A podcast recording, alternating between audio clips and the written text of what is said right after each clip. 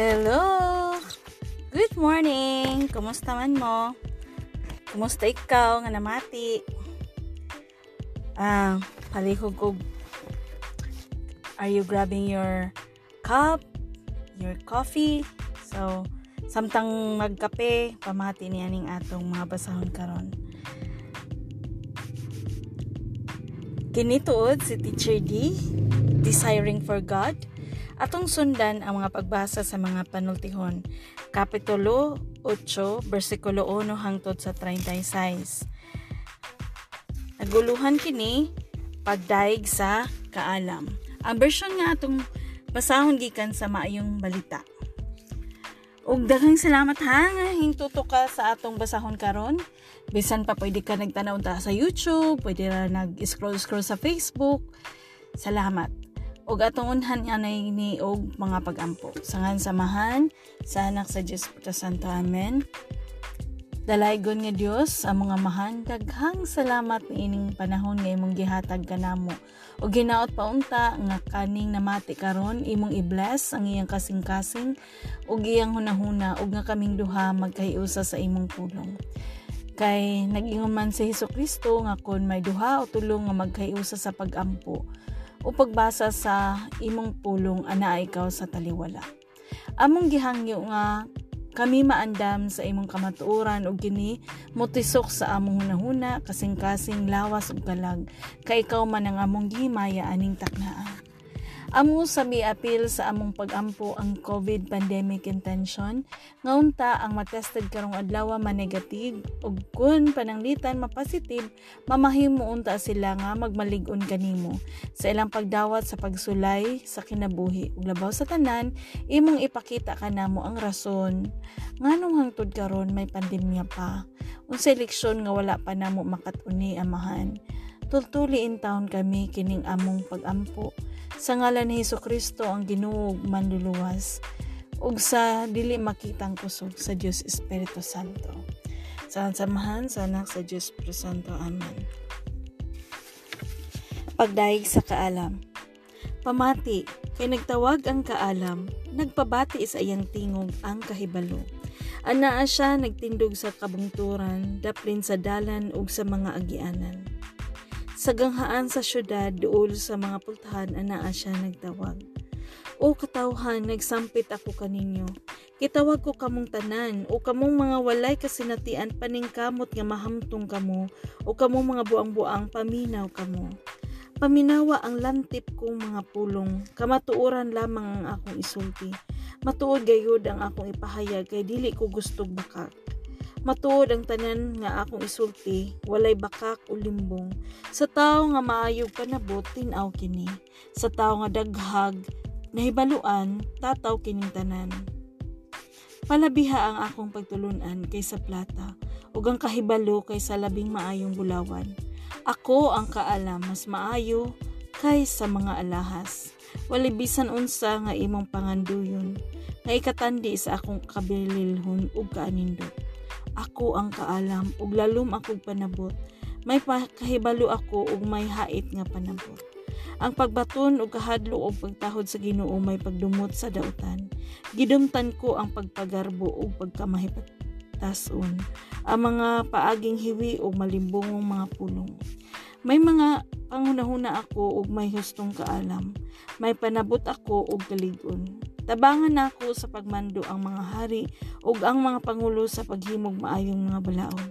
Uban sa akong tabang ang mga pangulo ug mga hari nagmando sa katawhan. Gigugma ko ang nahigugma kanako. Ang nangita kanako makakaplag kanako. Makahatag akong mga bahandi dungog kauswagan ug kalampusan. Ang makuha mo gikan kanako mas maayo pa gayud kaysa labing putling bulawan ug mas maayo pa kaysa plata nga labing lunsay.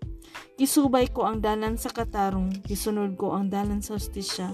Gihimo na kong dato ang higugma kanako, ug gipuno ko sa mga bahandi ang ilang panimalay. Una ako sa tanang mga gibuhat sa Ginoo, ang una sa iyang mga gimugna. Gibuhat ako niya sa sinugdan pagayod. Sa wala pa buhata ang kalibutan, nahimog so ako sa wala pa'y mga lawod, sa wala pa'y mga tubod sa tubig. Diha na ako sa wala pa ang kabukiran ug kabungturan. Sa wala pa buhata sa Dios ang kalibutan ug ang mga kaumahan, bisan pagani sa wala pa yuta. Dito na ako sa pagpahimutang niya sa langit, sa paghikyan niya sa gitagbuan sa langit ug sa yuta.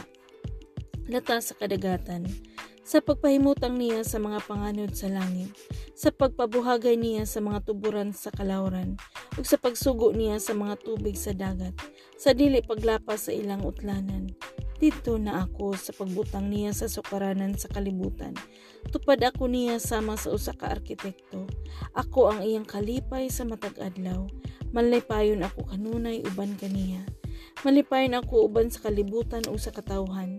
Karon mga anak, pamatia ako. Buhata ang ipabuhat ko kaninyo ug malipayon kamo. Pataling hugi ang itudlo ko kaninyo pag maalamon kamo ug ayaw kini isalikway. Magmalipayon ang tao nga mamati kanako. Ang tao nga sa matag adlaw anaa sa akong pultahan, naghulat sa ganghaan sa akong balay. Ang makakaplag kanako makaangkon sa kinabuhi kahimutan siya sa Ginoo. Apan ang wala makakaplag kanako, nagdaot sa iyang kaugalingon ug nagsalikoy kanako, nahigugma sa kamatayon. Ang pulong sa Ginoo. Good morning. So, kanindot pa sa ako, no? Um, na-feel ba ninyo ang buti pasabot ani nga basahon? Ako feel na feel yun ako. Labi na sa murag ang akong feeling ni ani mura siya og Espiritu Santo nga nagistorya nga kanang ang kamatuoran, 'di ba? Kay ba man nga si Jesus Christ may atong dalan sa kinabuhi. Pero siya mo'y nagtudlo usab kung asa na unsa ang pagsunod ana nga dalan. Siya ang Espiritu Santo. Atong himatikdan din nga gibalik gihapon dinhi sa 8:13 ang pagbaton ug kahadlok ug pagtahod sa Ginoo may pagdumot sa dautan. Gidumtan ko ang pagpagarbo ug pagkamahit hitason ang mga paaging hiwi ug malimbong mga pulong. Para kanako kaning atong maayong balita Biblia or ang Biblia mismo naghatag natog mga pulong sa Ginoo mismo ug ang pulong ni Hesus Kristo ug mga pagtulunan sa mga apostoles ay ilang mga binuhat, gibuhat, ang ilang mga sakripisyo mahimo natong sadang uh, sandata or hinagiban sa atong pagtuo diha sa atong pagsunod sa atong Ginoong Hesus Kristo. Ug din hinalamang kutob hinaot ko nga sa pagpadayon ugma mamati gihapon ikaw sa atong pagsubay ni ining mga panultihon. Ugma pohon atong mahisayran ang kaalam ug kabuang ug atong unang adlaw atong nasayran ang daotang babay. Padayon ha, ayo pagundang. So kung makapuyon man ka, samtang before ka matug, pamati alamang kining atong podcast. Dagang salamat. This is Teacher D, desiring for God. God bless!